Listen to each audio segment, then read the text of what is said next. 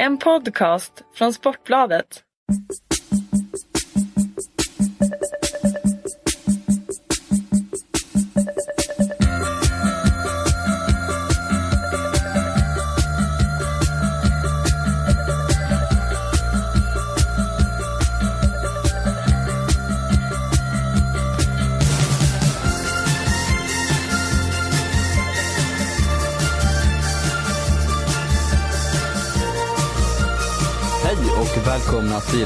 51% fotboll, Sportbladets podd om eh, allsvenskan. Folkets podd är tillbaks. Hur känns det, Robert Laul? Eh, det känns mycket bra. Jag eh, är eventuellt lite rostig i halsen som kanske hörs. Jag har varit eh, förkyld där i, i ett par dagar och, men eh, vi hade seriepremiär med mitt fotbollslag och, och, och då kan man inte låta, låta sig stoppas av en förkylning. Det gjorde dock att eh, eh rehabiliteringstiden på denna svåra sjukdom ser ut att bli lite längre. Jag förstår. Eh, anledningen till att jag börjar den här gången är att eh, jag vill liksom sätta agendan på första punkten. Du ska få i vanlig ordning eh, styra det här samtalet under 45 minuter plus tillägg. Men den första punkten är givetvis hur har det gått för gamla Karlberga och, och vad har hänt med Uk- ukrainaren från Uruguay? Eh, uh, Uruguay-Ukrainarna, han fick ju sparken. Vi berättade ju om det, eller vi berörde ju det i förra avsnittet där. Uh, han fick sparken, uh, en ny tränare tog över och vi inledde serien med en uh, rätt så tydlig 5-1 förlust. Det stod 0-0 när jag hoppade in eh, och då var det kanske 20 minuter kvar. Jag var ju förkyld som sagt. Eh, och, och 20 minuter senare så hade vi förlorat matchen med 5-1. det, kan ju, det kan ju tyckas som att, att det hade något med, med mitt inhopp att göra men så var det faktiskt inte. Eh, vi fick en spelare utvisad och våran målvakt skadad i den vevan och vi hade ingen reservmålvakt. Vi fick ställa en, en strakbent eh, reservyttermittfältare i målet och, och ja, han skrapat ihop många plus det kan jag säga. Det låter lite som Syrianska där. 1-5 förlust, utvisning. Ja, ja. Men vi är inte särskilt oroliga. Det, det, det, som sagt, det var speciella omständigheter. Eh, anfallsstjärnan sjuk, eh, spelare utvisad, målvakt skadad, ingen reservmålvakt. Det, det är klart att då, då kan du eh, rinna iväg. Jag tror att det blir bättre sen framöver. Ja, jag snappade upp lite intressant info om det här laget eh, i veckan. Jaha, faktiskt. låt höra. Eh, du berättar ju att du blivit jämförd med en ung Maradona. Ja, just det, eh, just det. Av eh, vår, allas vår favorit Ukrain, Uruguayan. Numera den sparkade Washington, Ja. Valle Morales. Och det satte ju lite griller i huvudet varför han varför han liksom höjde det så oerhört mycket. Ja. Men tydligen ska det varit för liksom att smöra lite för dig för att, för att du skulle ställa upp på något extra sätt. Eh, Ja, det framkom väl lite där att, att eh, efter han hade, hade smörjt mig som du säger så, så eh, hade han någon, eh, hörde han av sig senare och undrade om jag eventuellt kunde hjälpa till och leda träningar och sådana grejer. Och, och, och, och det var jag inte speciellt sugen på. Men när man la ihop ett och ett där så kanske den där oerhörda hyllningen som ju var bland det vackraste någon någonsin har sagt till mig. Det kanske fanns en, en baktanke där. Jag menar, heter du Washington Morales då har du i alla fall ett par, tre rävar bakom öronen. Så är det. In, Eh, intressant, eh, intressant historia att följa tror jag under den här säsongen. Ja, vi ska väl inte ägna mer tid åt, åt mitt fotbollsspelande där. Du har väl varit i Norge antar jag? Ja, jag har faktiskt varit i Norge den här eh, helgen också. Jag eh, har varit i Os- Oslo den här gången. Eh, och du vet hur det är när man, eh, när man skolkar från skolan. Att då, eh, då måste man ju jobba i kapp Ja, bara den. Och det är det jag har gjort den här gången. Jag har highlightat i egenskap av highlight-expert alla mål i Allsvenskan den här omgången. Och jag har satt plus på alla mål i den här allsvenska omgången. Vilket kommer bli någon slags utgångspunkt då för våra, för våra diskussioner. Där framförallt du kommer analysera lite djupare för du har ju sett eh, åtminstone tre matcher Ja, jag har sett, ordentligt jag har den här sett en hel eh, del. omgången. Den här eh, highlights experttiteln då, den är ju den är självpåtagen då. Det är ju lite som vi vi nämnde Jonas Gardell i något avsnitt. Han, han liksom har en självpåtagen uppgift att eh, eh, kommentera alla stora händelser i Sverige. Eh, du nöjer dig med att eh, kommentera highlights i, i fotbollsallsvenskan. Men det är ett eh, nog så ärofullt uppdrag kan jag tycka. Ja, och jag kände att den platsen var inte riktigt tagen heller kan man säga. Om Jonas Gardell gjorde anspråk på någonting som kanske kanske finns konkurrenter där. Så, Ja, eh, så, så vitt jag vet så har jag, har jag faktiskt ingen konkurrent på positionen just nu. Vi ska, eh, göra, vi ska lyssna på Oskar Månssons highlights-svep vad det lider här. Jag kan dra lite övriga punkter. Vi kommer börja givetvis eh, och plocka upp reaktioner på förra veckans avsnitt. Det gör vi alltid. Eh, vi kommer att eh, prata lite om eh, 1-1 resultatet som disciplinnämnden fastslog i den avbrutna matchen mellan Helsingborg och Djurgården. Vi kommer givetvis att ha en Stockholms derby special. Vi lägger den på slutet. Eh, vi släpper inte Upplandsoligarken Hästa-Bengt, Oskar Månsson har lovat nya Oh, ja. sensationella uppgifter och eh, givetvis kollar vi lite även på eh, publiksuccématchen och Hammarbys kross av Degerfors från Superettan. Det och en hel del annat eh, allmänt kring den allsvenska omgången som har gått är väl vad vi ska försöka hinna med. Men om vi som sagt, vi börjar med lite på eh, vi börjar lite med vad vi har fått för reaktioner och jag spottade ju en trend här förra veckan att, att det har blivit vanligare att spelarna har av sig med synpunkter via sociala medier eller i andra sammanhang om man har eh, skrivit någon, någon siffra lite snett eller, eller haft någon åsikt som de inte är riktigt nöjda med. Och, och vad jag förstår så har ju AIKs Alexander Milosevic mittbacken varit ute på någon form av, av, av eh, turné i det ärendet här nu. Kan vi kalla det för det? Ja det kan vi. Nej men jag, jag vet att han eh, i en, i en annan podd då, en, en, en mycket välproducerad och bra podd som heter Radio Råsunda som fokuserar på AIK så, så uttryckte han ju ett missnöje över mitt gamla bilagbetygssänkning. Det här med att jag tog ner honom i den här podden från 4 plus till 3 plus. Det har Alexander Milosevic ett par veckor senare fortfarande inte släppt utan det här, det här var ett ämne som han på eget bevåg plockade upp i, i, i den här Radio Råsunda podden. Och jag kan väl bara säga till mitt försvar att jag har sett alla AIKs tre matcher och jag har inte haft anledning att sätta något högre betyg på Alexander Milosevic än, än 3 plus. Så att det är möjligt att jag kommer få fel. Men än så länge har jag rätt. Mm. Eller? Eh, ja, jag, jag håller ju kvar honom på 4 plus. eh, Ja men han har inte varit av- i. Han har, du kan inte hävda att han har varit hittills. Nej det är, det är inte 4 plus eh, än så länge. Det håller jag definitivt med om. Nej, och han har ju tagit, eh, det här är ju inte enda exemplet då. Jag sa ju det, en, mer eller mindre någon form av turné för att du har ju också stött på, på hans besvikelse över min Ja så är det. Och jag har ju eh, gjort eh, in person också. Jag har inget eh, sociala medier tjafs utan jag var ute på... Det är på face to face alltså? Ja, oh ja, oh ja. Jag var ute på, eh, på Karlberg, AIKs träningsanläggning. Och eh, satt i, och snackade lite med Niklas eh, Eliasson. Och han berättade att han skulle träffa dig. Detta var, ja vad var det nu då? Onsdagen kanske. Han skulle Ja. träffa dig ett par dagar senare och då berättade han att AIKs yttermittfältare då, Ja. får vi väl förtydliga, Niklas Eliasson. Ja, och då berättade han att, eh, att ni skulle göra en intervju tillsammans. Och när, han, när, och när ditt namn droppades där, då högg Alexander Milosevic som satt tre meter därifrån. Och så sa han det, "Vad- har Laula gett mig tre plus alltså? Skämtar han? Och så tittade han på mig. Jag säger det, han har varit ute på en turné. Så jag sa, du får, eh, fan eh, Alex eh, twittra till Laul eh, om det. Så sa jag, "Nej, det orkar inte sa han. Men eh, det har ju, det har ju tagit det där såklart. Sen så ska man ju säga att han sa det på ett, på ett skämtsamt sätt ja. men eh, det finns ju någonting i, i botten såklart. Eh, det dök ju upp en debatt efter AIKs match mot Örebro. Vi kan ju beröra det lite snabbt bara. Eh, du kommer väl gå in närmare på det i målanalysen där. Men, men eh, AIK bjuder ju på kvitteringsmålet när, när bollen studsar på en tuva och, och Kenny Stamatopoulos tar den med smalbenet och Speti Masani kan kvittera till 1-1. Men man kan också eh, ställa frågan i alla fall. Ska Milosevic med, vad är det, 10 minuter kvar spela hem bollen i det läget till målvakt? Eh, det, det är inte något jättesvårt läge Kenny får bollen i. Men det är ändå alltid en viss chansning på en, på en, en eh, halvdålig gräsmatta som, som ju Friends faktiskt är. Eh, att eh, spela hem till målvakt istället för att bara skicka bollen ut över sidlinjen. Jag såg att du skrev det eh, kolla, kolla på det såklart i och med att jag analyserar highlightsen väldigt noga. Men, men jag, jag tycker inte det är någon, någon större grej att prata Nej. om. Det, det ska vara så liten risk att spela hem bollen där. Eh, och det var liksom inget givet läge att han skulle byta kant eller något sånt. Så, så jag friar i detta Du fallet. friar Milosevic och fäller Kenny. Eh, så kan vi säga. Vi ska gå in på målen senare som sagt, det var ett sidospår. Eh, vi fortsätter med lite reaktioner här och eh, vi hade ju en djup diskussion i, i förra podden om eh, bengalernas vara eller icke vara. Där du eh, ställde dig på barrikaderna för att elda på.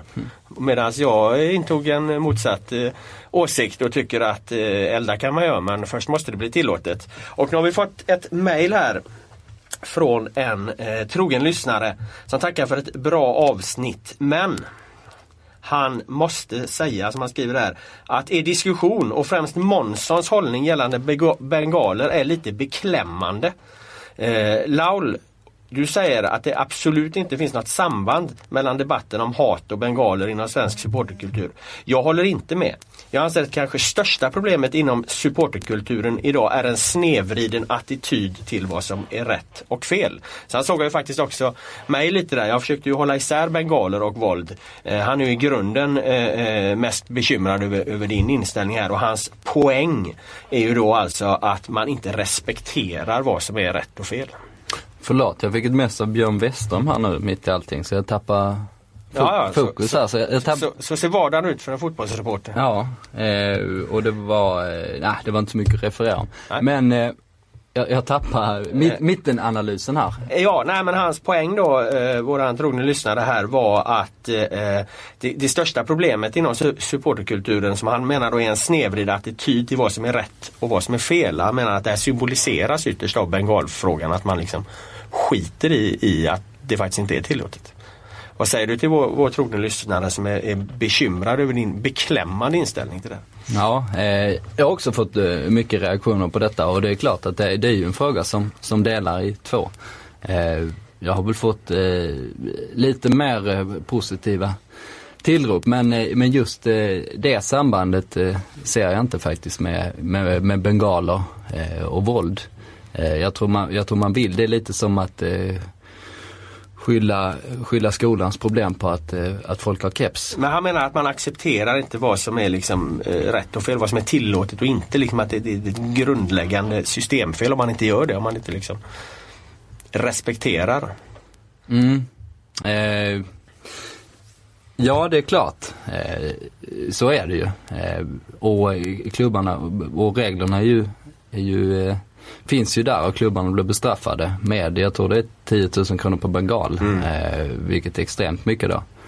Eh, jag vet inte om man, om man kan prata om, om det liksom grundläggande, mi- alltså missrespekt i kulturen på något sätt. Jag vet inte om man kan dra det så långt. Det, är- jag, ty, jag tycker det är en rätt svår fråga att, att filosofera om. Min, min hållning är att bengalerna finns där, de kommer inte, de kommer inte försvinna för att, eh, för att det är förbjudet som det är nu. Eh, Utan eh, de kommer alltid finnas där och jag, och jag tycker det finns ett, ett skäl att eh, eh, legalisera dem såvida det, såvida det inte är stängt tak. Då kan jag tycka det är dumt att elda. Eh, men eh, eh, annars, eh, annars tycker jag de, eh, de kan få vara där och jag, vet, och jag vet vad de betyder för många personer då. Vi lämnar det, vi pratar Jag vet inte om det var något bra, bra svar på det här. Ja, men, jag, eh, Förlåt, jag försvann lite det här eh, Han, smset. han får vara nöjd med det svaret i alla fall. Ehm, jag vet inte om vi kan klassa det inom reaktioner på den här podden men jag har ju dragit igång ett eh, ett allsvenskt grepp eller en allsvensk intervjuserie får vi väl kalla det. Alltså det bygger i grund och botten på att eh, det finns undersökningar som visar att intresset för allsvenskan bland yngre eh, minskar. Att man hellre väljer att, att följa den internationella klubblagsfotbollen, de stora internationella klubblagen. Och då tänkte jag liksom, eh, vad kan man, vi i tidningen göra utan att, för det är ju inte våran uppgift att lyfta allsvenskan på något sätt. Det är ju inte vårat uppdrag. Men det kanske kan gå hand i hand ändå. Vad kan man göra? Vad är eftersatt på Sportbladet som samtidigt skulle kunna öka intresset för allsvenskan? Och då landar jag i att eh, längre intervjuer med unga talanger. För jag tror att unga människor vill läsa om eh, unga spelare och deras liksom, ambitioner och hur de har gjort för att nå framgång inom, inom fotboll. Hur de har tränat och hur de motiverar sig och, och, och så här. Så att eh, jag åker runt och träffar lite talanger. Jag har träffat Niklas Eliasson i AIK då som sagt. Eh, i derbytidningen imorgon onsdag så träffar jag Simon Tibbling, eh, talang i Djurgården. Du är nere med kidsen helt enkelt. Ja, man skulle kunna säga så. Och det var lite roligt för att när jag träffade Tibbling så hade han inte riktigt koll på vad det var vi skulle göra då. Eh, och då sa han, nej men jag vet En inte. intervju sa du då? Ja, jag sa så här, nej men det var det här jag gjorde med Niklas Eliasson i, i, i söndags. Och då sken han upp och blev jätteglad. Jaha, vad kul.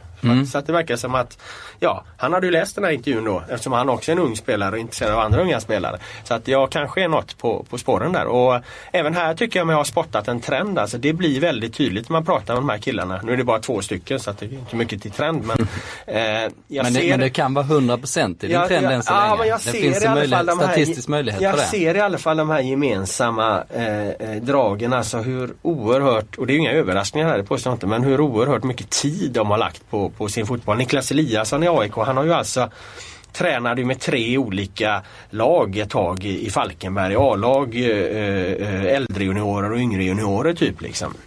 Åker till Brasilien på vintrarna och spelar, spelar fotboll varenda dag i en och en halv månad.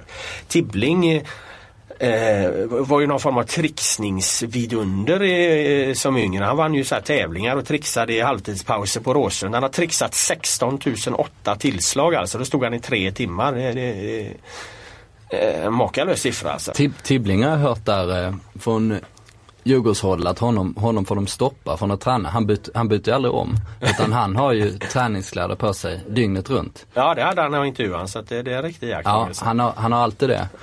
eh, och om de har tränat på förmiddagen då, om det är kanske ett vanligt pass och fys efter det. Och sen så får ledarna säga till och nu, nu tränar du inte va? Nej nej det ska jag inte göra. Men så sticker han och tränar ändå.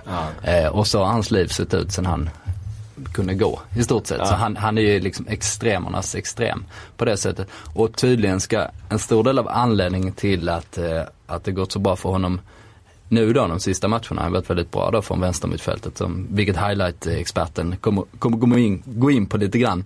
Eh, beror på att han hade en skada, han kunde inte träna så mycket. Eh, och då fick han lugna ner sig helt enkelt lite, lite grann. Ja, just det. Eh, det, det, det är en trend jag har gjort. Den andra är att det här är ju också, de här två exemplen i alla fall, det, det här kommer säkert motbevisas. Men det här är ju väldigt, eh, vad ska vi kalla det, kortvuxna eh, killar. Eh, framförallt Tibbling, eh, inte lika mycket Eliasson men i och med att de har hela tiden under sina, sina upp, uppväxtår i fotbollen har spelat med äldre Eliasson spelade ju med dem som var nästan tre år äldre. Han är, han är född i december 95, han spelar med 93 år och det är klart att han är ingen jätte, han är ju, ja han är väl 1,75 eller vad han kan vara. Så att han har ju varit väldigt liten hela sin karriär. Simon Tibbling har varit ohyggligt liten. Han, är, han hävdade själv att han är den uh, minsta spelare som någonsin har spelat en, en, en ungdomslandskamp. Han var 152 centimeter när han spelade en P15 landskamp mot Finland. Det är en väldigt ung Maradona. Ja men då hade han alltså uh, motståndare i Finland som var 170, som 1,70 liksom, som var två decimeter längre än honom.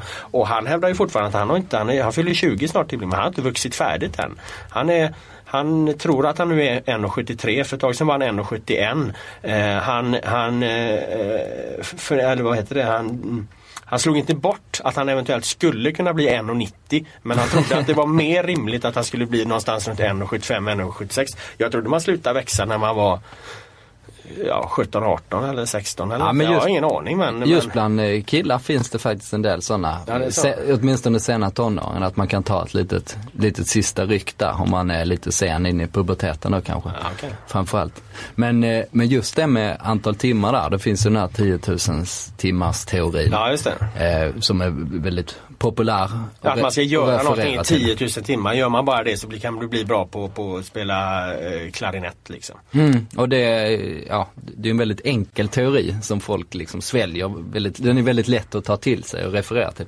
Jag har eh, ofta skrivit om eh, ungdomsfotboll och, och eh, toppningsdebatter och, och, så vidare. Det, det kanske vi borde ta i ett annat program. Eh, någonting som jag har liksom verkligen försökt förkovra, förkovra mig eh, och, och eh, titta på många håll och då även om man liksom struntar i hela den sociala biten, det vill säga så, så mår du bra, blir glad eh, som, som, eh, som barn. Även om man struntar i den, även om man bara ser till eh, eh så blir du så bra som möjligt eh, i fotboll så, så når du som längst eh, så ska man eh, toppa så lite som möjligt eh, i tidiga åldrar. Man ska toppa mycket, mycket senare än vad man tror. Eh, det finns jättemycket studier på, på det. Eh, Belgien är ett superintressant exempel nu. Eh, däremot ska man ju träna extremt mycket, framförallt i åldern 8 till 12 för där sätter du din grundläggande koordination och den kan du inte riktigt ta igen. Ja. Så därför ska du träna så mycket som möjligt. Däremot ska du inte hålla på med taktik, resultat. Eh, du ska inte åka långt utan du ska bara ut och lek liksom, så jag mycket du kan. Eh, då bygger du upp dig för att bli så fram- framgångsrik som möjligt. Och då är det också ganska bra det att liksom hålla på med flera olika idrotter för då övar man kombinationen, balansen och, och eh, spelförståelse eh, liksom naturligt på ett sätt. Det är Men- en sån fråga man skulle egentligen skulle haft med till alla de här också då. Jag har ju mer tittat på, på senare i deras karriär, de här talangerna jag intervjuar. Eh, hur, hur gjorde de när de var 8 till 12? Det, det, det är ju en fråga som man kanske skulle ha burit med sig till, till dem på ett annat sätt. Ja, men det, det är en intressant debatt faktiskt. Eh, Jag tror folk blandar ihop lite, eller jag, jag tror många tänker sig att antingen ska man toppa tidigt och liksom utbilda spelarna tidigt. Eh, eller så ska alla få eh, latcha runt liksom och sen så blir ingenting bra. Men man ska göra både och. Alltså du ska inte toppa men du ska eh, få, få dem att träna så mycket som möjligt tidigt. Jag avslutade här, eh, den här delen med eh, en annan eh, trendspaning kring de här två talangintervjuerna jag gjort. Ja, har du 100% eh, statistiskt Absolut. samband? Niklas Eli på, på frågan om favoritbok så var den enda bok Niklas Eliasson överhuvudtaget Let me guess. var Jag tror den kan vara Zlatan Ibrahimovic självbiografi möjligtvis. Helt rätt och han sa Ja. också att han hade många kompisar, det var den enda bok de också hade läst. Och Tibbling då eh, nämnde också Zlatans självbiografi. Eh, men när jag då eh, rekapitulerade att det sa det Eliasson också, det var den enda boken han hade läst då. Tillade Tibbling att han hade läst eh, betydligt fler böcker. Bland annat, eh, vad heter han nu då, den här eh, från San Siro till den här Ja. Martin. Martin Bengtsson Martin han som var ungdomsproffs i Inter, Inter. och eh, ja, blev djupt deprimerad då Ja, liksom på, på kort tid. Så att han hade ett lite större bokintresse där. Vi kan också konstatera att de har i, generellt rätt risig eh, filmsmak för att eh, i alla fall Eliassons favoritfilm eh, var Taken och hans favoritserie var Prison Break. Det håller vi inte särskilt högt. Eh, Tibbling var lite bättre. Han hade Gladiator som favoritfilm och det frågar jag vad kan man lära sig av den i fotbollen? Och att man aldrig ska ge upp. Det tyckte jag var fint. Jag gillar det här att du du liksom har en rapport från verkligheten här. Du har gjort en, en djupstudie i unga människors beteende och Ja. vanor i, i, i dagens Sverige. Eh, och jag trodde ju att jag även skulle få alla att säga att, var så här, att de spelar dataspel, att de då spelar Fifa, Fifa 14 och det landade ju exakt rätt med Eliasson. Där var det, han var en Fifa-kille. Tibbling däremot, han hade aldrig haft något, eh, något Playstation eller så här. Eh, eh, utan han, vet du vad han gjorde? Han spelade alltså Monopol på iPad. Monopol och Risk och det var ju sånt som du och jag sysslade med när vi var små. Alltså det var ju, fan Risk var ju ett fantastiskt spel och Monopol är ju inte långt efter liksom. Så där vart jag lite imponerad.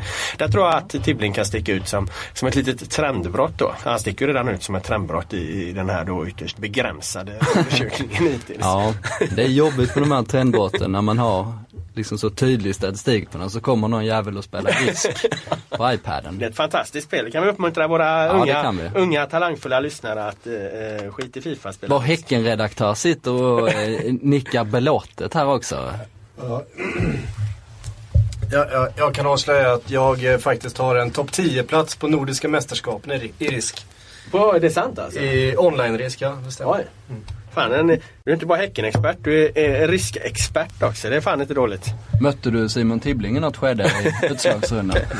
Jag vet inte hur gammal Simon Tibbling var när det här begav sig men det är i alla fall tio år sedan. Jaha. Ja, då var Simon Tibbling eh, eh, knappt tio år fyllda. Så det, då var han en jävligt talangfull riskspelare. ja, så. riktigt, ja, åtta år sedan var det nog. Ja, men så, så var det i alla fall. Uh, online, online risk och ett nordiskt mästerskap. Och tog mig till final där det var åtta deltagare. Så jag, var väl, jag kom väl åtta rätt som jag åkte ut först. För våra unga lyssnare då så kan vi ju poängtera att Risk är ett spel eh, där man eh, med arméer ska ta över världen. Med tärningar och så i alla fall var det det på den gamla brädspelets tid. Bra podd just nu känner jag. Vi lämnar det här ämnet som höll, på att spåra iväg lite och eh, återgår till fotbollen då ska Månsson, eh, våran eh, självutnämnda highlight-expert. Eh, Jag vet inte riktigt exakt hur du har eh, tänkt eh, lägga upp det här. Går du i, i Nej, vi går- målen i fem plus-ordning eller? Nej, vi går i krono- kronologi. Vi går i kronologi efter matcherna då. Vad hade vi för första match ut? Var det Precis. Mj- Mj- Mjällby-Djurgården då i Ja. fredags eller? Mjällby-Djurgården 0-2. Eh, 0-1. Det blir ett, ett 3 plus highlight-klipp. Simon Tibbling slår en fantastisk pass till Amadou Javo som snubblar in bollen. Ja, pass, passen gör betyget.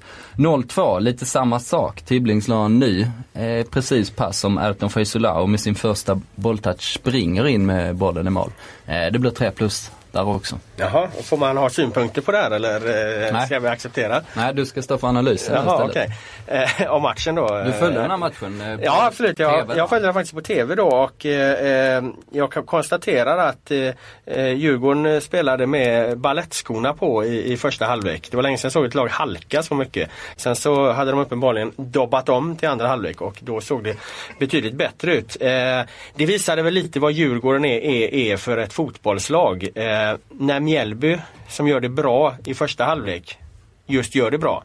Då är det faktiskt de som har den här matchen. Jag tycker att de har den lite i sin hand, de har ett litet övertag.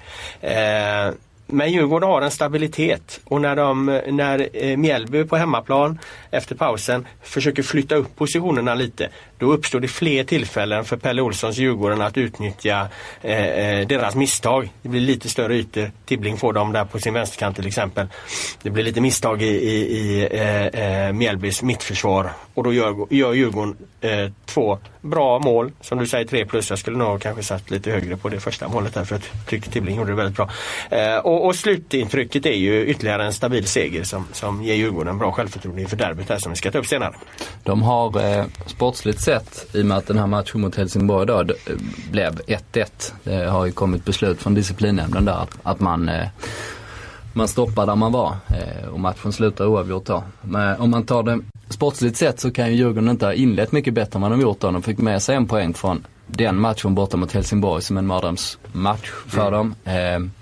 Sen, sen tidigare. Eh, 3-0 mot Halmstad hemma och nu Mjällby som faktiskt var det laget Ja det var ju deras spöklag ju. Ja och eh, även då du som gillar statistik. Eh, Ja, ja du har ju kommit med dina statistiska samband om Sverige 2014. just det. Eh, så visade det sig att, att eh, Djurgårdens eh, värsta motståndare genom alla tider då var Mjällby.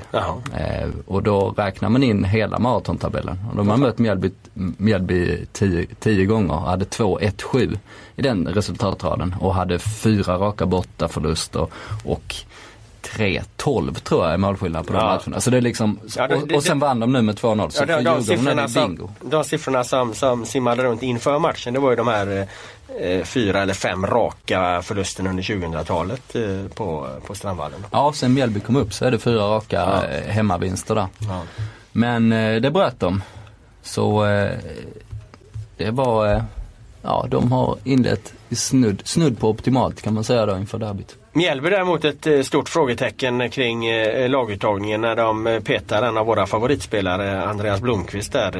Nu har ju han inte varit kanske så bra i de inledande matcherna men jag tycker att det är tufft att- peta den spelaren så tidigt på säsongen när man, när man vet vilka kvaliteter som finns där och, och, och framförallt när det inte, när det inte blev särskilt mycket bättre. Eller? Man kan, man kan se på de eh, spelarna som pikade tidigt under den här januariturnén. De som hade bäst form då. Det var ju bland annat Blomqvist. Han har inte formen kvar. Det var Nabil Bahoui från AIK.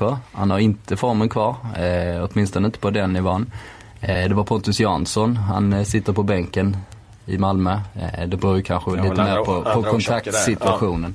Men han är inte särskilt het. Men det, av de som eh, pikade då så är det många som dippat. Erton var en annan spelare som, eh, som pikade där. Som nu gjorde han visserligen ett mål och han har haft lite skador. Men han har också blivit av med den där eh, hysteriska formen. Däremot var det Guillermo Molin som vi var inne på som sprang runt och latchade Ja, det var ju han du berättade I- Allsvenskans bästa spelare nu. Ja, det var han du menar som sket i januari till mer, mer eller mindre för att vara, Ja. vara, vara riktigt formstarkt här.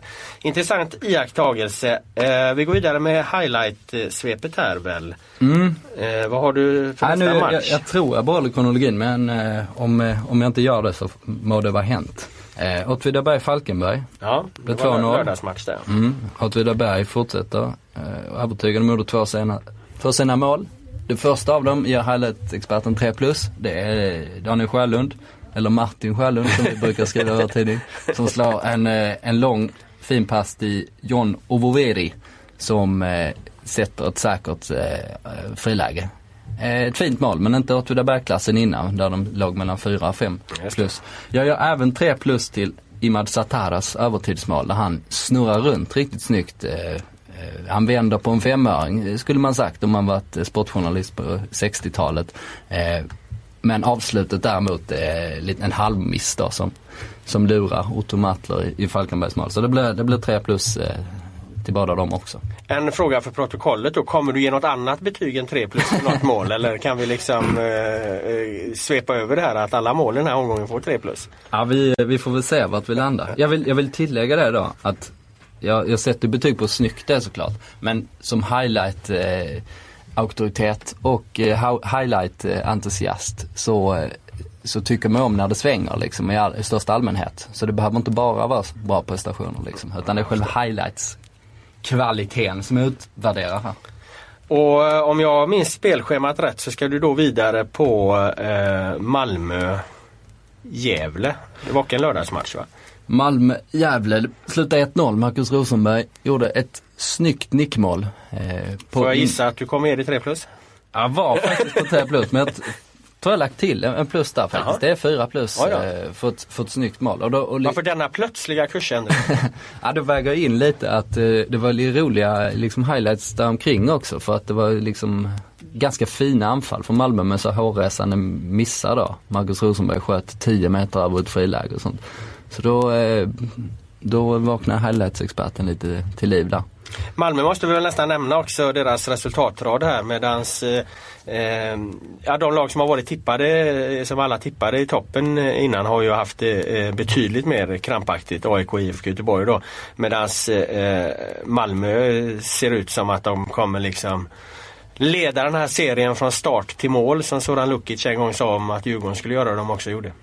Mm. Ja, de eh, ser ju verkligen ut som, eh, eller de är ju det klart starkaste laget i landet just nu. Ja. Det är ju Åtvidaberg och Djurgården som skuggar då och de kommer ju knappast eh, eh ta SM-guld något av dem då. Nej, men de kan nog fan få bra placeringar både, både Djurgården och Åtvidaberg för att det känns som att det är liksom ingen slump att de har gått bra heller. Va? Men allra minst en slump att, eh, eh, att Malmö har gått bra. Det, det, det, måste man ju definitivt säga. Det är den fråga i alla fall jag när du möter folk på, på, som stannar där på gator och torg och så här så, så eh, är det ju verkligen det man und de undrar liksom. Alltså hur, hur, vad, vad fan ska stoppa Malmö liksom? Alltså mitt mitt svar är väl någonstans att, eh, att man får ju se hur, hur hanterar de sen när det ska in i ett Champions League-spel och, och, och, truppen sätts på, på prov. Liksom. Är den tillräckligt bred och, och, och matchschemat intensifieras och så för att, att de liksom har kommit rätt in i den här säsongen. Att de verkar ha behållit liksom hungern att vinna,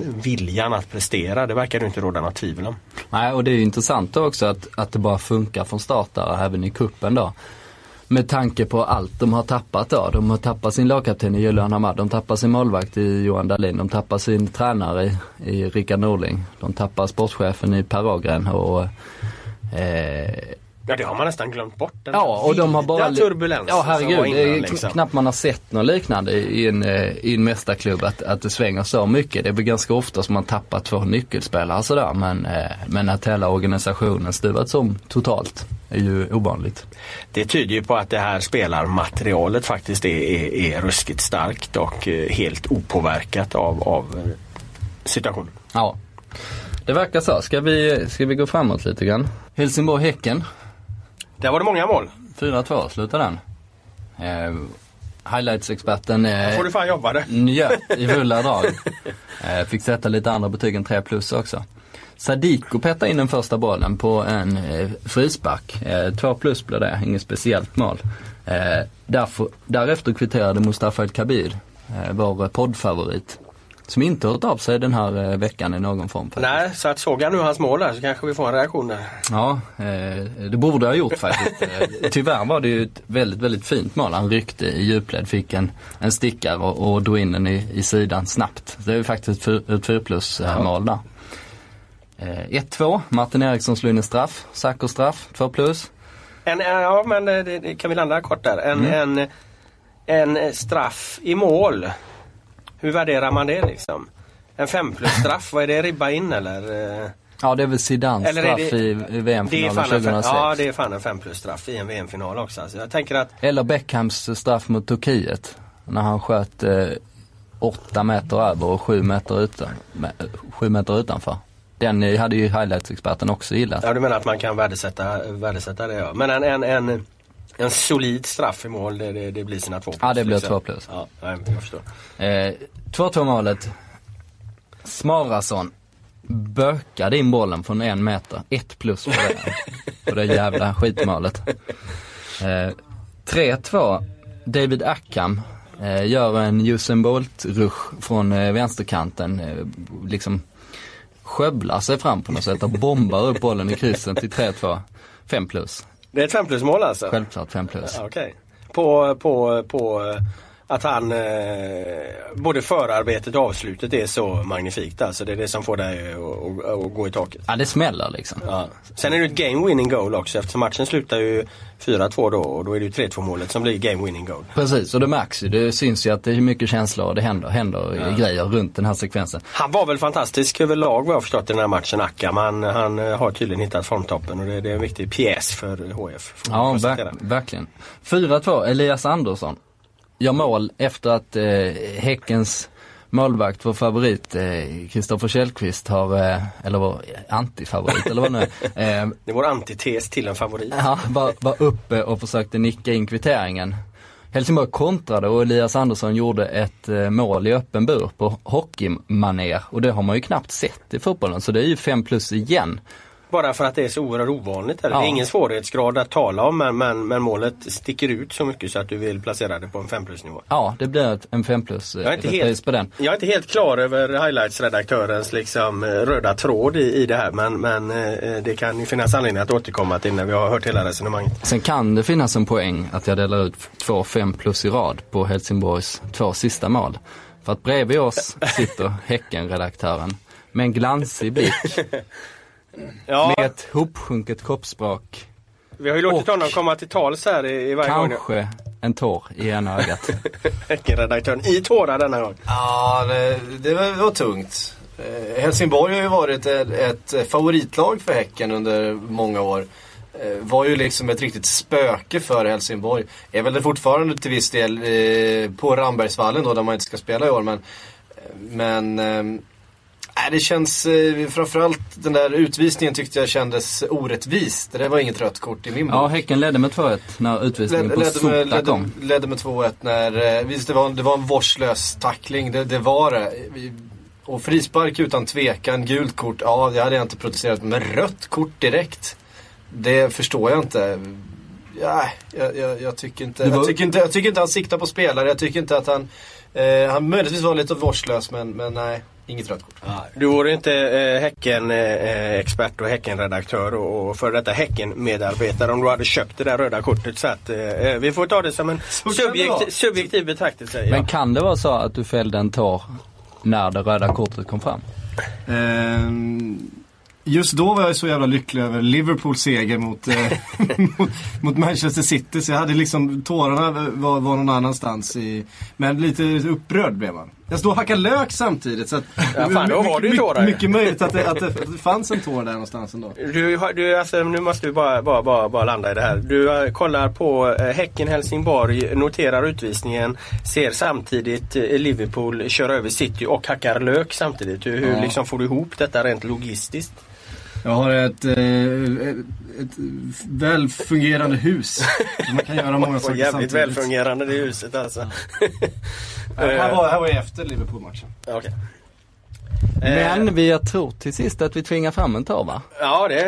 Eventuellt var det löken som krävdes, det- men, eh, Löken tvingade eventuellt fram den tåren i så fall. Eh, många mål där ja. Vad har vi för nästa? Sen har vi Halmstad-Norrköping. 0-0. Just det, det Highlights, highlights-klippen som jag tittade på, som valdes ut av någon producent, var två Halmstad-skott på hela matchen. Ett skott som gick i burgraven, utsidan burgraven, du vet den bara nu- Men träffade den snudda. jävla eh, metall... Ja, den, jag vet inte om det var något, men den snuddade nätet på Ja, något okej. sätt. Ja. Eh, absolut inte nära. Det andra var ett skott som gick högt över. Och det var hela matchen. Det låter som en fantastisk fotbollstillställning. Ja, vi sätter ett minus på den. eh, Ja, okej. eh, Ja, det är svårt att göra annat när det inte har blivit några mål liksom. Nej, och eh, det, ja, som sagt, jag har refererat eh, refererat highlightsen och om någon skulle få för sig gå in och, och verkligen kolla på den så hade det varit ungefär lika underhållande som det jag just berättade tror jag. Det skulle vara intressant att få en protest mot din bedömning av detta. Någon som med, med, med kloka argument kan liksom gå emot din, eh, din highlights-bedömning av eh, Halmstad-Norrköping 0-0. Ja. De två bästa chanserna är ett skott som eventuellt rör gaven. Ja, Och det eventuellt, andra är definitivt högt över ja, det, eventuellt kan eh, den här bengalinsändaren då kanske gå till nytt angrepp. Eh, det är som jag svarar lite slarvigt på, får jag väl säga. Nästa match är, som jag har här är AIK Örebro. Den slutar ju 1-1. Eh, första målet för 3 plus, det var Edo Markkanen som knoppade in ett eh, rätt snyggt AIK-anfall. Inte spektakulärt men liksom lite små eh, plottrigt eh, på ett positivt sätt i straffområdet. Du såg målet själv? Absolut, eh, jag var på den matchen. eh, Så det, jag tyckte det var ett bra fotbollsmål. Eh, de gjorde det framförallt för att de eh, till en början spelade som de hade kommit överens om. Alltså här, AIK spelade nästan med, med ett om jag har liksom, om vi har hyllat Pelle Olssons, Gävles raka och fina fembackslinje där i fjol så var det här liksom den raka femmannakedjan för att AIK tryckte upp Celso Borges eh, eh, i en forwardsposition mer, eller- eh, mer eller mindre mellan eh, eh, Kennedy, Guaranike och, och Eero Markkanen då plus att eh, yttrarna låg, där, låg eh, längs kanten och så. De låg nästan med fem man längs Örebros försvarsfyra och det här målet kom efter en återerövring när de hade mycket folk liksom kvar i bra positioner och Markkanens prestation är jättebra liksom. Han håller undan en försvarare, klackar vidare den till, till eh, Nabil. Störtar mot mål med, med hela sin gigantiska bröstkorg och, och får ett perfekt inlägg som han liksom eh, rammar in på finskt vinterkrigsvis om man ska hitta en liknelse. Ja, Så att jag tycker det är ett bra fotbollsmål. ja, tog du den spontant eller? Ja. Ja, ja den var ju ganska målande faktiskt tyckte jag. Eh, femmannakedjan där. Mm. De har inte spelat sedan eh, 1958. Nej, så jag sa det på presskonferensen, man skulle inte ställa sådana frågor på presskonferensen. Att ja, ni spelar med femmannakedja Andreas och han eh, vände sig till P.O. Jung liksom som började fnissa liksom. De undrar ju vilken planet jag var från. Jag menar givetvis inte att Alm inför den här matchen hade ritat upp ett 4-1-5 liksom. Det var ju det att det såg ut så i, i, i stunder i och med att de just tryckte upp eh, Eh, eh, Borges och liksom inte fick några särskilt bra positioner på yttrarna så blev det ju en rak linje. Va? Eh, men vi vet ju hur Alm är. Ser han chansen liksom och, och, och hugga tillbaka på en slarvigt formulerad fråga så, så tar han ju den nio gånger av tio. Ja, å andra sidan borde ju han i egenskap av gammal journalist man faktiskt är. Han eh, borde ju förstå att dåliga frågor kan ju vara bra frågor också. Så är det. Eh, Det finns egentligen inga dåliga frågor utan mig- bara dåliga svar. Jag menar inte att du ställer eh, enbart briljanta frågor i, eh, i mixade zoner. Men han borde ju förstå att du åtminstone är väldigt intresserad av taktiken och ni har diskuterat Ja, ja. liksom i, eh, i många år. Och när, du, och när du säger femmannakedja då förstår han. Det är inte som när Sverige ställde upp där med eh, Kurre Hamrin och Nacka Skoglund Nej. på kanterna och Lid, Lidholm och Gunnar Gren i mitten och Agnes Simonsson som spets. Det är inte riktigt den formationen kanske. Har vi en fanfar där för att Månsson satte detta eller eh, redaktören? Nej, han, eh, han sitter och googlar Häcken. Han sitter och gråter Ja, fortfarande. eh, men sen kvitterade Örebro då. Sen kvitterade de eh, och det här var ju eh, Milosevic hempass till. Kenny Stamatopoulos som eh, gjorde en supertavla då när han bara gav bort bollen till Hassani som sen kom fri och satte den. Men eh, det blev fem plus på den också. Som highlight, eh, som highlight junkie så hoppar man ju högt upp i taket. Tänk dig att du inte har sett det här målet liksom. Eh, och du tror att det är en ganska sömnig match då AIK stänger den här vinner med 1-0. Så får man se det där. Så det blir, eh, det blir 5 plus. Rent fotbollstekniskt så är vi ju kanske på ett och ett halvt plus då. Ja, Men, eh, det, det, det jag skulle säga är AIK har ju bra koll med, med Shpetim Hassan hela den här matchen. Va? Det, är hans enda, det är egentligen hans enda chans han får. Liksom. Och han avslutar ju, även om han bjuds på läget så, så, så avslutar han ju perfekt.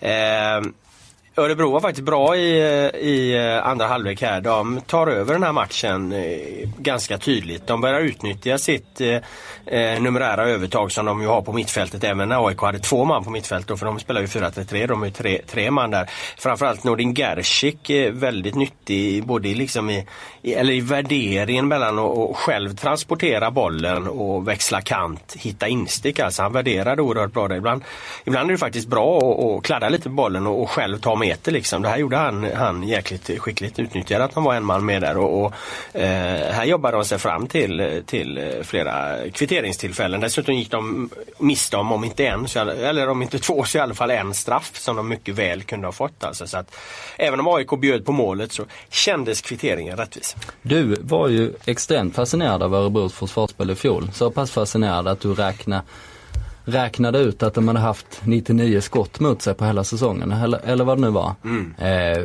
hur, eh, hur ser försvaret ut eh, än så länge? Nej, mycket bra alltså. Eh, intressanta med Örebro är att de har gjort en total kursändring som väl har gått den här podden lite förbi. Eh, inför eh, premiären mot Halmstad är det väl de har där så får de ju en skada på eh, han anfallaren och värva från AIK där. Vad, vad fan heter han nu då?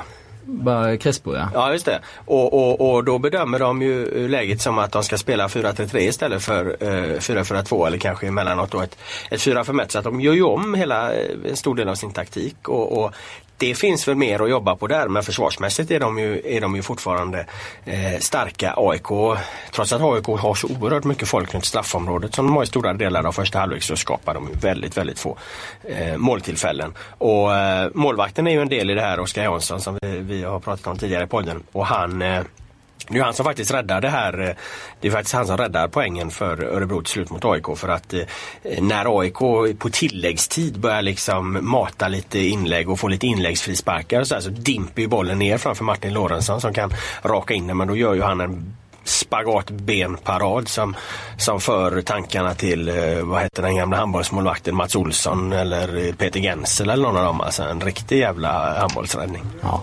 Ska vi stanna på, på Crespo också bara? Lite. Eh, han eh, berättade i en intervju nu i veckan, jag vet inte vilken tidning det var, eh, om att han, de hade sparkat fotboll med dödskallar när han var liten. Eh, han kommer från Sierra Leone då som var extremt eh, präglat av eh, inbördeskrig och allmänna oroligheter och, och social misär. Och den historien där, eh, han är ju en sån spelare som man önskar att det ska gå bra för. Han har sedan han var 15 år gammal följts av ett brittiskt dokumentärteam som har gjort en dokumentär om honom. Eh, och de, deras, deras mål med den här dokumentären var att han skulle spela för Hull. För att de här eh, eh Hull City Supporters, de här eh, två killarna då som gör dokumentären. Och avslutningsscenen var tänkt att han skulle springa in på Råsunda i premiären 2012 då han tillhörde AIK och, sänk, och sänka eh, vilka de nu mötte. Det var Mjällby de hade då tror jag. Eh, men de har fått skjuta upp den här avslutningsscenen väldigt mycket för att han har inte slagit så mycket. Han fick inte spela den där matchen och sen har han skadat sig och nu är han Örebro och då finns det ju inte någon, någon bra dramaturgisk slut på den där. Nej. Jag har själv blivit intervjuad av de här brittiska killarna vid ett par tillfällen. Hur ska jag lösa det då? Eh, jag vet inte hur det, hur det ligger till nu. Men, men jag tror att dokumentären i sig som går då från, från den här miljön eh, i, eh, i eh, Freetown i Sierra Leone till eh, provspel med Hull City som de lyckades fixa så blev det ingenting för att det föll på arbetstillstånd och sånt. Till Sverige och då till succén men sen har ju succén inte riktigt kommit även om man gjorde en, en del mål i, i fjol i Superettan. Men Örebro ligger ju i toppen av Allsvenskan. De är väl trea i dagsläget om jag minns tabellen rätt. Eh, han kanske skjuter Örebro till en Europacup-plats föga troligt men eh, om man skulle göra det så kanske de har sin slutscen i ett sådant sammanhang.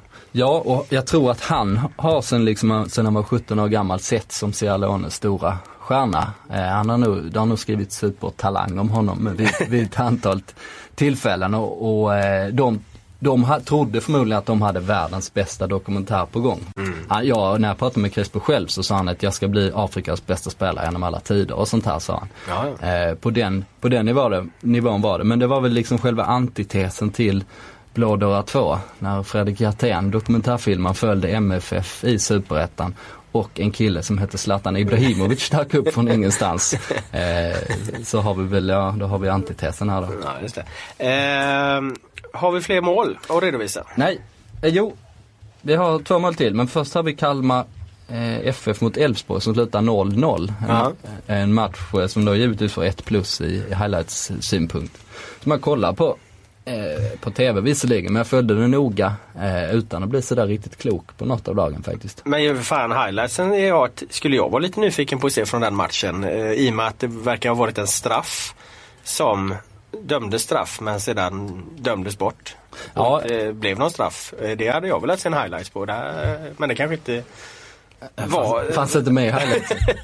Nej, det har du rätt i för sig. Det var rätt speciellt där. Eh, Det var David Elm som blev neddragen i eh, straffområdet. Stefan Johannesson hette han ju, domaren, dömde straff men den assisterande domaren tyckte att Elm hade ruffat och dragit ner försvararen som eh, i momentet innan. Eh, om det var om det var Stefan Larsson kanske. Ja, jag, jag kommer inte ihåg vilken försvarare det var.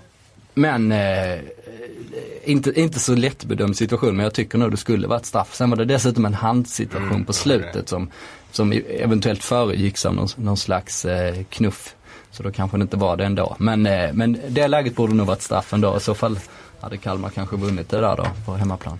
Vi ska inte hänga upp oss för mycket på, på domsluten där. Jag noterar bara att det var roligt formulerat i våran artikel i Sportbladet om den matchen skrivet av, av eh, våran eh, Kalmarbevakare och spelexpert Ulrik Sandebäck som rabblade upp eh, en, en, en rad med människor som var besvikna över den här domarinsatsen. Allt från eh, sportchefen till tränaren till spelare och, och, och så vidare. Och ingressen avslutades med att Rasmus Elm hade twittrat från Moskva och hur, om hur illa detta var då.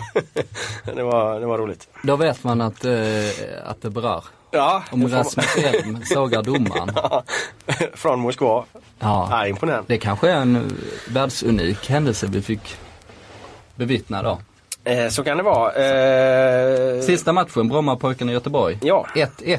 Yes. Eh, där kanske du ska sätta plusbetyg eftersom, eh, eftersom du var där. Ehm, ja, Var 0-1 först som Robin Söder gjorde efter väggspel med Lasse Vibe.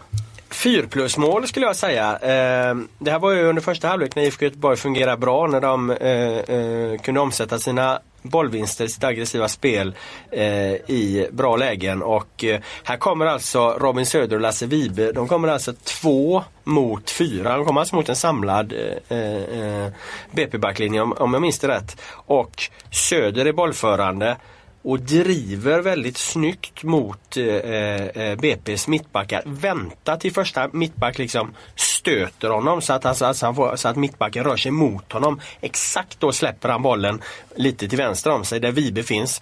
Och då, kan, då har han redan vunnit ett par meter i och med att mittbacken är på väg i fel riktning. Då är han förbi honom direkt söder när, när han går i djupled. Får tillbaka bollen på, på ett tillslag bara kan, kan stöta in den. Alltså, normalt ska man inte göra mål när man kommer två mot fyra men om man gör allting rätt så kan man göra det. Och det får man ju säga att, att eh, IFK Göteborgs anfallsduo gjorde i det här, i det här fallet. Då. Ja, det var ett snyggt mål. Eh, däremot Fyra plus eh, tror jag jag. inte du sätter samma höga betyg på Pontus Segerströms kvittering. Eh, nej, det gör jag inte utan det där är ju ett eh, Det är om man ska hitta någon slags liksom eh, standardbedömning av ett lag som trycker på i slutet, matar in bollen i boxen och har mycket folk där inne. Mål. Eh, stark duellspel då av eh, Pontus Segerström när han vinner, vinner luftduellen mot Kjetil Weller. Men annars är det typiskt sånt här du vet när man trycker på i slutet mål och, och till slut lyckas trycka in dem. Eh, det man kan säga om BP var att det fanns en metodik i det här. Eh, de, har, de är ju ett väldigt passningsskickligt lag och IFK Göteborg orkar stå, det är det här som är det konstiga med det här perspektivet att det är lilla BP vi talar om mot stora IFK Göteborg. Då. Eh, IFK Göteborg orkar stå emot det här i 60 minuter, det här fina, deras fina passningsspel. Sen gör de inte det längre. Sen börjar BP allt oftare liksom hitta igenom eh, Göteborgs mittfält. Släppa ut den på kanten. Komma till bra inläggslägen. Få in folk liksom i i framåtlöpande rörelser. Så att målet är absolut ingen slump. Eh, det var ju snarare var ju känslan att fan BP kanske skulle vunnit den här matchen men då, då glömmer man väl av första halvleken då där IFK Göteborg var klart bättre. Men, men eh, målet som sådant är väl två plus metodiken och, och spelidén och, och skickligheten som finns i BP som liksom tar dem fram till det här målet. är beundransvärd för en liten klubb. Jag känner igen det här med Brommapojkarna tycker jag. Att man eh, kommer i tidigt underläge, eh, helt utspelad. Eh, och sen då långsamt växer man sig in i matchen. Mm. Jag tror det här underskattningsbegreppet använder man ofta lite slarvigt. Det är liksom bara ofta en enkel, enkel förklaring som kanske inte har så mycket täckning ändå. Men just på Grimsta, jag tycker jag har sett många gånger att att lag gör ett tidigt mål. Eh, de jublar inte särskilt mycket utan det är mer så träningsmatchkänslor efteråt. Du vet en, en liten high-five och sen jogga tillbaks. Eh, och nu är vi home safe liksom. Ja lite så och sen så Brommapojkarna det kommer ingen forcering, det kommer ingen anstormning. Däremot fortsätter de bara trilla boll, de får mm. aldrig panik någon Nej. gång. Och sen till sist så fan de maler ner motståndarna. Sen ja. till sist har de dem i brygga. Ja. Eh, och även när det inte funkar alls, till exempel mot Kalmar där, där Brommapojkarna blev helt utspelade så blev, nästan till och med då lyckades de få med sig en poäng och det var ju en match som slutade 0-5 då till, eh, till en början. Det här blev ju jag tycker jag känner igen det ja, under jag, äh, även fjolåret framförallt. Jag tror din analys är klok där och det här blev ju ett väldigt tydligt tillfälle att faktiskt kritisera då IFK Göteborgs tränare Mikael Stare. Eh, jag skrev en krönika om det, eh, matchkrönika då och, och, och, och, det här har ju legat i luften ett tag. Att, alltså är du tränare för en storklubb då, då, har du, du har ju tre vägar framåt. Va? Antingen kan du likt Malmö FF, du kan eh, vinna genom att utveckla ditt eget spel. Eller också kan du som IFK Göteborg i fjol då hade framgångar med att du vinner genom ett väldigt destruktivt spel. Sen finns det den tredje alternativa vägen också. Det är ju att du kanske inte vinner så jäkla mycket men du har ändå ett spel där man ser en viss utvecklingsnivå i och det finns, det finns ett hopp om att på sikt vinna matcher. Då funkar det, då funkar det eh, att, eh, att förlora emellanåt. Eh, men där IFK Göteborg befinner sig nu, att man har ett destruktivt spel som inte ger poäng och segrar vad ska, liksom, vad ska fansen, vad ska spelarna hoppas och drömma om? Vad, vad, vad ska föreningen tro på? Eh, Stara har ju satt sig i ett läge alltså att det enda som betyder någonting där, det är ju segrar. Så är det inte i Elfsborg som har gjort en kursändring att vi vill, vi vill utveckla vårt spel. Då kan vi också ta, ta att, det, att det förloras lite. Och jag är fan tveksam om, om eh, eh hur det kommer bli i IFK Göteborg där. Alltså om de är tillräckligt bra för att, att hämta hem, hem de här segrarna. Alltså, för att nu har ju Star ändå varit där i två år och jag menar så särskilt mycket utveckling har man inte sett. Och de valen han gör de är ju, han har Bojanic, Daniel Bojanic och eh, Joel Allansson på bänken igår. Eh, han skulle kunna spela med någon av dem istället för Filip Haglund eller Gustav Svensson på mittfältet när Jakob, Jakob Johansson blir sjuk. För att skicka en signal om att vi vill kunna föra en match. Vi vill kunna äga ett spel. Men det gör han inte. Hans kursändring är vi ska vara ett, ett, eh, ett kraftfullt lag som vinner på, på motståndarnas misstag. Och jag tror att det börjar, eh, jag tror att det börjar muttras både lite här och var. Är det så att du vill ändra ditt tips på Blåbits? Nej, nej. Jag, som du känner mig, jag ändrar aldrig no några tips. Det, herregud. Ja, du tror väl det... fortfarande att Häcken vann Allsvenskan 2013? Ja, jag håller fortfarande fast vid att det var ett alldeles korrekt eh, tips eh, sett till de eh, faktiska förutsättningarna inför säsongen. Det luddigaste resonemanget hittills, de faktiska förutsättningarna. Det hände ju inget sen. Nej. Men... Vad heter det, därmed var väl då highlight-svepet över för den här gången. Ja. Då får vi se vad gensvaret blir om vi ska återkomma till det. Eh, vi tänkte titta lite framåt också. Vi har ju ett eh, derby här uppe i Stockholm. Mycket av diskussionerna eh, här handlar ju om det stora Stockholmsderbyt mellan Djurgården och AIK på Tele2 Arena. Jag var ute på Kaknäs i veckan och eh, träffade bland annat Andreas Alm och en, en stor diskussion i AIK-lägret har ju varit efter fyra poäng då på tre matcher bara som man tycker är eh, Vad är det som inte riktigt har fungerat? Eh, jag tror att vi har ett litet ljudklipp att spela upp där. Ja, vad svarade jag på innan då? Ja, spelarna, nyckelspelarna. Mm. Du frågade om de var, om de inte var, men det är ju givet, det kan väl alla se att men Celso Borges inte har fått ut allt. Att, vi vill ha mer av Martin Lorentzon. Ja, nu var ju inte Henok med senast att nabba att det finns mera. Men det är väl, det är väl en... Hade man sagt att, de, att det inte fanns mera så hade det varit värre. Ja, Alm där eh, pekar ut liksom det vi har noterat att nyckelspelarna inte riktigt har, har fungerat i AIK. Han nämner Celso Borges, han nämner Martin Lorentzon, han nämner Henok Goitom, han nämner Nabil Bahoui. Han kunde väl kanske nämnt Kennedy Igbo Anarike också. Eh, eller tycker är det rätt liksom personer han, han, han väljer att, att, lyfta fram här som, som, som är de som inte har fungerat i AIK? Jo, men eh, det är väl inget fel att att säga så. Jag tror inte det är särskilt eh, känsliga personer för det. Jag tror de eh, själva vet om att de har rätt långt kvar faktiskt. Eh, och det är ju en stor del av förklaringen. Det är ju de spelarna som underpresterat så pass mycket får man ändå säga, mm. om man vet vad de kan. Jag tror AIK är nog ganska ensamma om att ha sina nyckelspelare på så låg nivå än så länge. Mm. Framförallt i Martin Lorentzen är en stor gåta då. En eh, spelare som framförallt är väldigt stabil. Det är väl hans stora, Eh, stora begivenhet får man väl säga. Eh, Samt att han ibland kommer in i, i, ett målstim då som, som högerback. Ja. På, på hörnor kan han eh, komma in. Han har åtminstone två gånger kommit in i de där zonerna. Men han har inte alls eh, sett bra ut varken, varken offensivt eller, eller defensivt. Jag pratar ju mer med Alm då. Jag ska väl göra någon förhandsgrej på han till, till derbytidningen då också. Eh, och försökte liksom brotta ner mig. Vad, vad, vad snackar de om eh, internt liksom? Vad, vad, för att det, när de liksom har sina träningar och genomgångar så sitter de ute och pekar ut vilka som har underpresterat och så. Va? Eh, men vad, vad, är det de försöker göra? Vad är det de är, är, är missnöjda med? Han allmänna väl framförallt på liksom, och nu är vi väl nere på, på rätt djupt fotbollsnörderi här, att, det liksom att de får ingen rytm i sitt spel. Det blir liksom ingen, ingen variation mellan, mellan korta långa passningar, mellan eh, bolltransporter, eh, onödiga tillslag, eh, att man spelar på spelare som inte är i rörelse, eh, att man inte får det där naturliga flowet i det hela.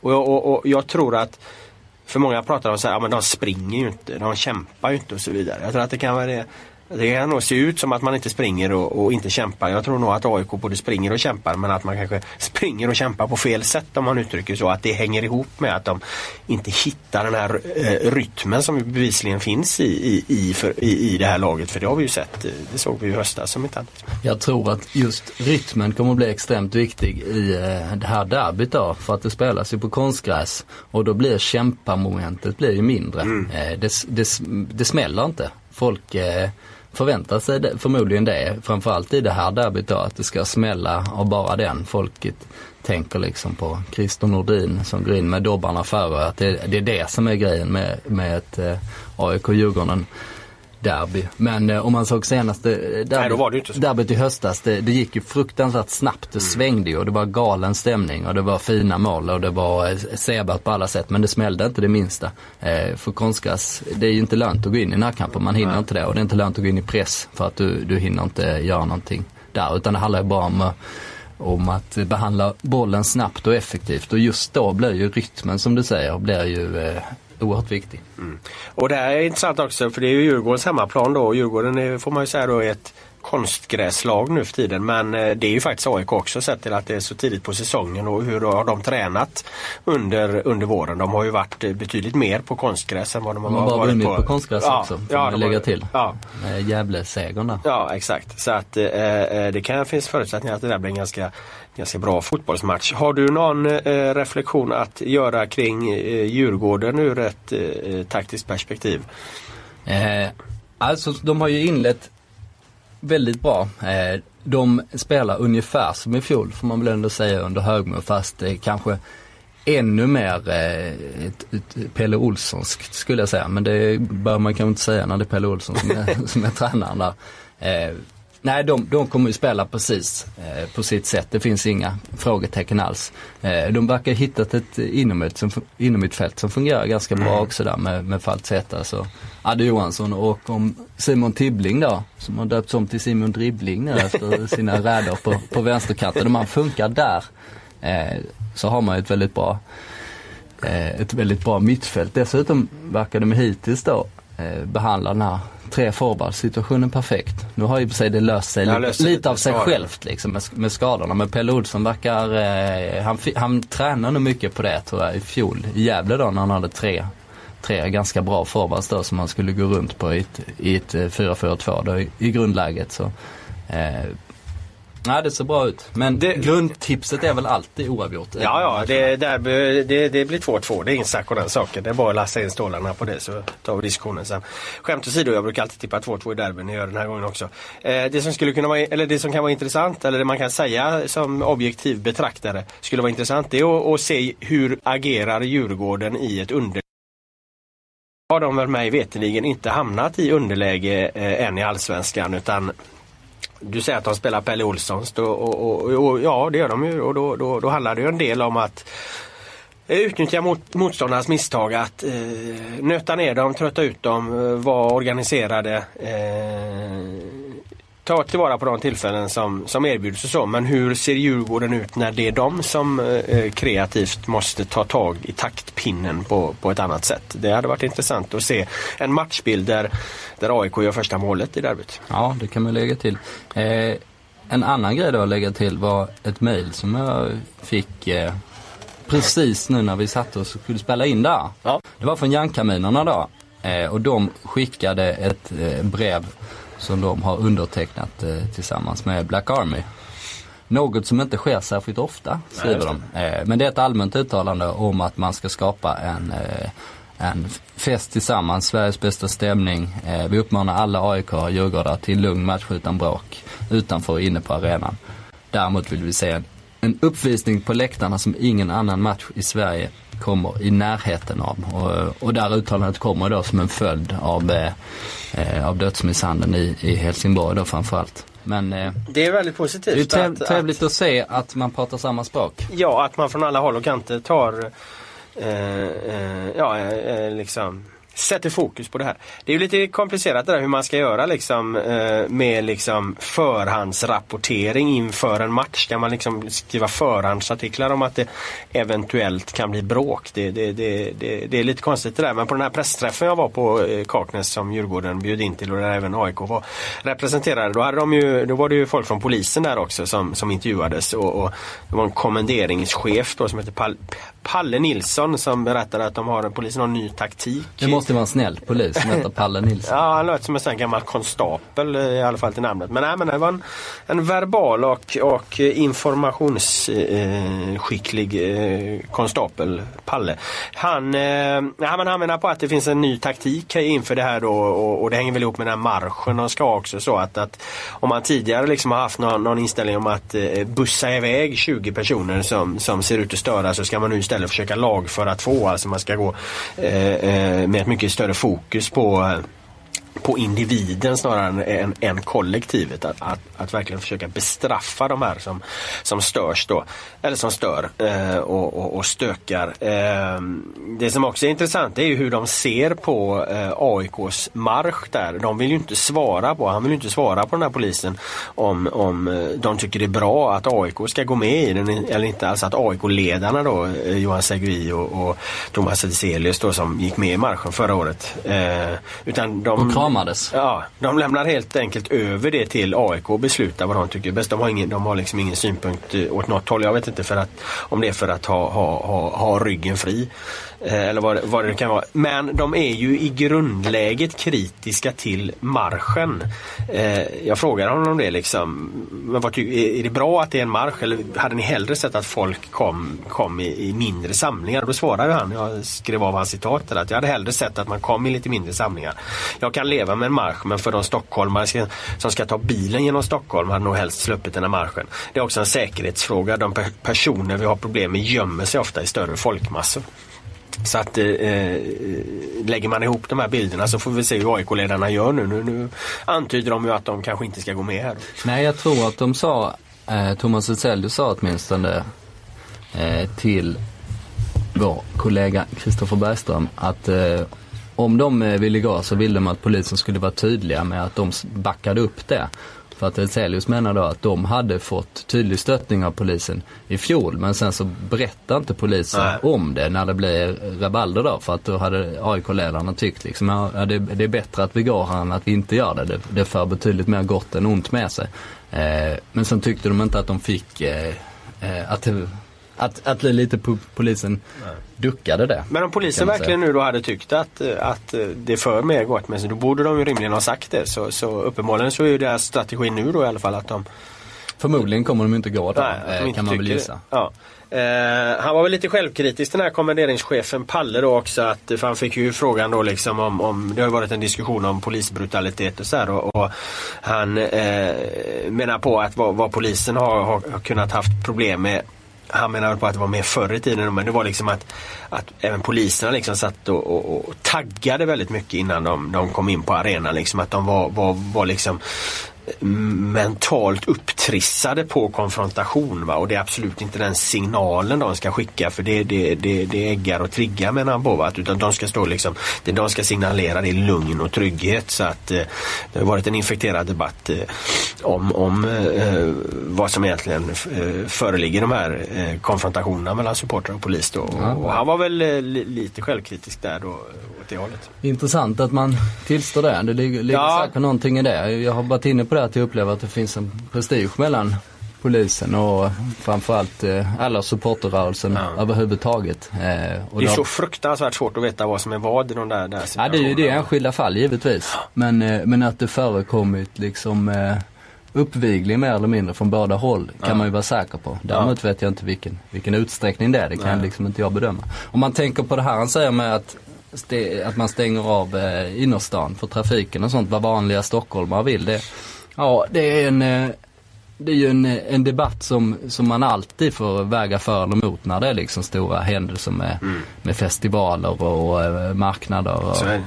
Och eh, konserter och fotbollsmatcher eller, eller vad det nu kan vara. Eh, jag eh, tycker ju då med Hammarby-marschen då i färskt minne eh, att, att det var eh, fantastiskt helt enkelt. Att det var värt någonting eh, extra och att man då stänger av stan. Att det, kanske, att det är värt det. Den gick väl också eh, lugnt tillväga och det var inga bekymmer där. Nej, jag har inte hört så mycket om det. Dessutom gick de bakom parollen eh, som, eh, eh, hur går det nu då? Eh, Du tänker på det du twittrade om Kjell Höglunds låt eller? ja, rött, rötterna blir starka när det blåser. Ja, så går den. Jag tänkte om det var rö- rötterna blir starkast. Nej, rötterna blir starka när det blåser. Ja, det är en fin gammal låt. Ja, som är eh, ja, en galen. Excentrisk låt eh, på, må- på många sätt men eh, också fantastisk. Den eh, brukar jag gå och nynna på och det har jag gjort nu igen här, efter jag blev påmind av, eh, eh, av den här banderollen.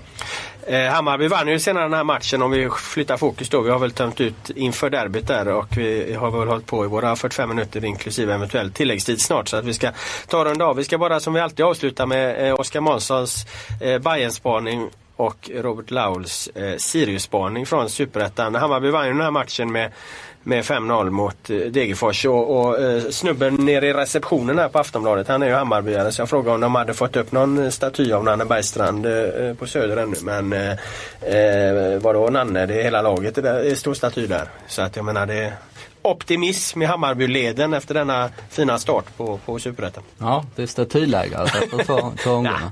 Det var väl lite med glimten i ögat kanske. Ja.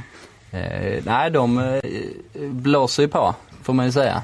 Eh, inte bara på banderollerna utan även på, eh, på plan. Eh, och det var länge sedan Hammarby fick den där eh, islossningen. Ja, jag minns, Perfekta start. Ja, jag minns, eh, vad var det då? Jo, det var på, i våras någon gång när Hammarby hade spelat en 1-1 match på hemmaplan. Och sportchefen där, Gustav Grauers, jag mötte honom efteråt. Han, han var liksom, eh, ja han var väldigt känslosam av sig. Han var ofta det liksom. Och så kom han och så sa han, fan alltså jag känner vi, vi får ju aldrig någonsin den Alltså du vet den här när vi bara dödar motståndaren, så, när vi dödar dem liksom. Eh, vi, det skiter sig alltid när vi ska göra det liksom.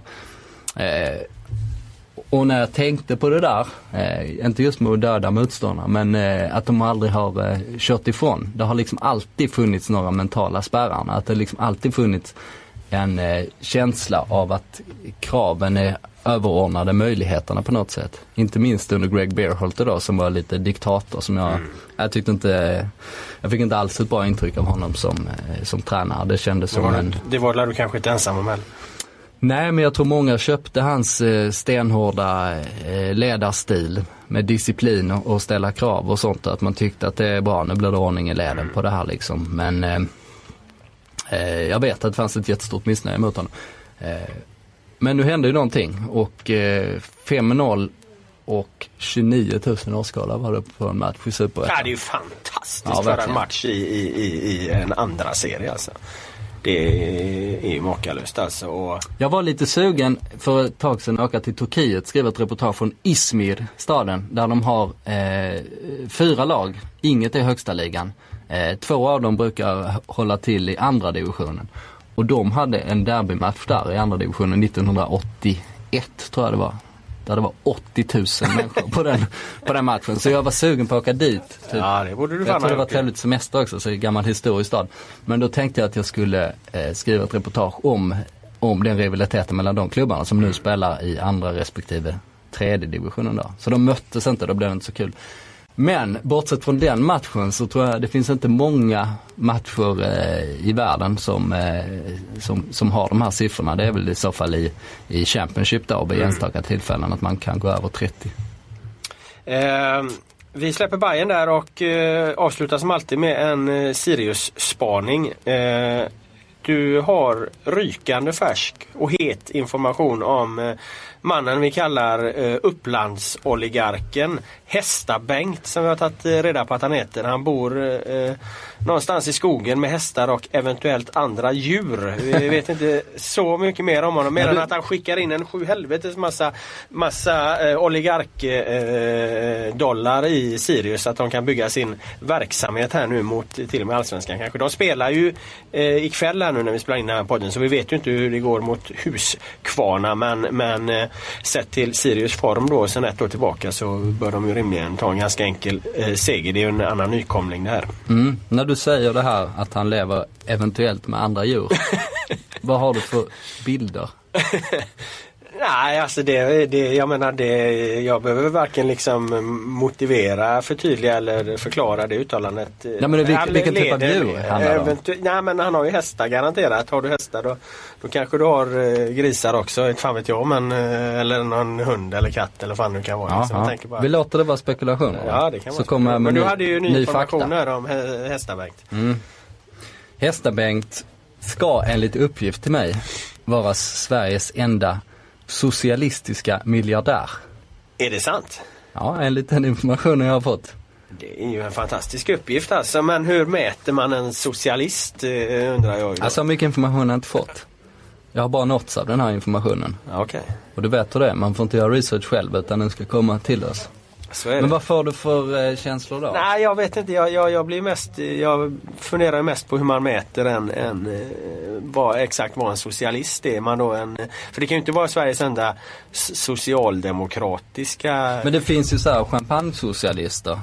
Alltså jag tycker att det här är en, en för bred fråga att plocka upp efter eh, 45 minuter inklusive eventuell tilläggstid. Vi suger vidare på den karamellen och tar fram eh, mer fakta om Hästabänk. Jag ska säga om Sirius som vi premiär, hemmapremiär på Studenternas då.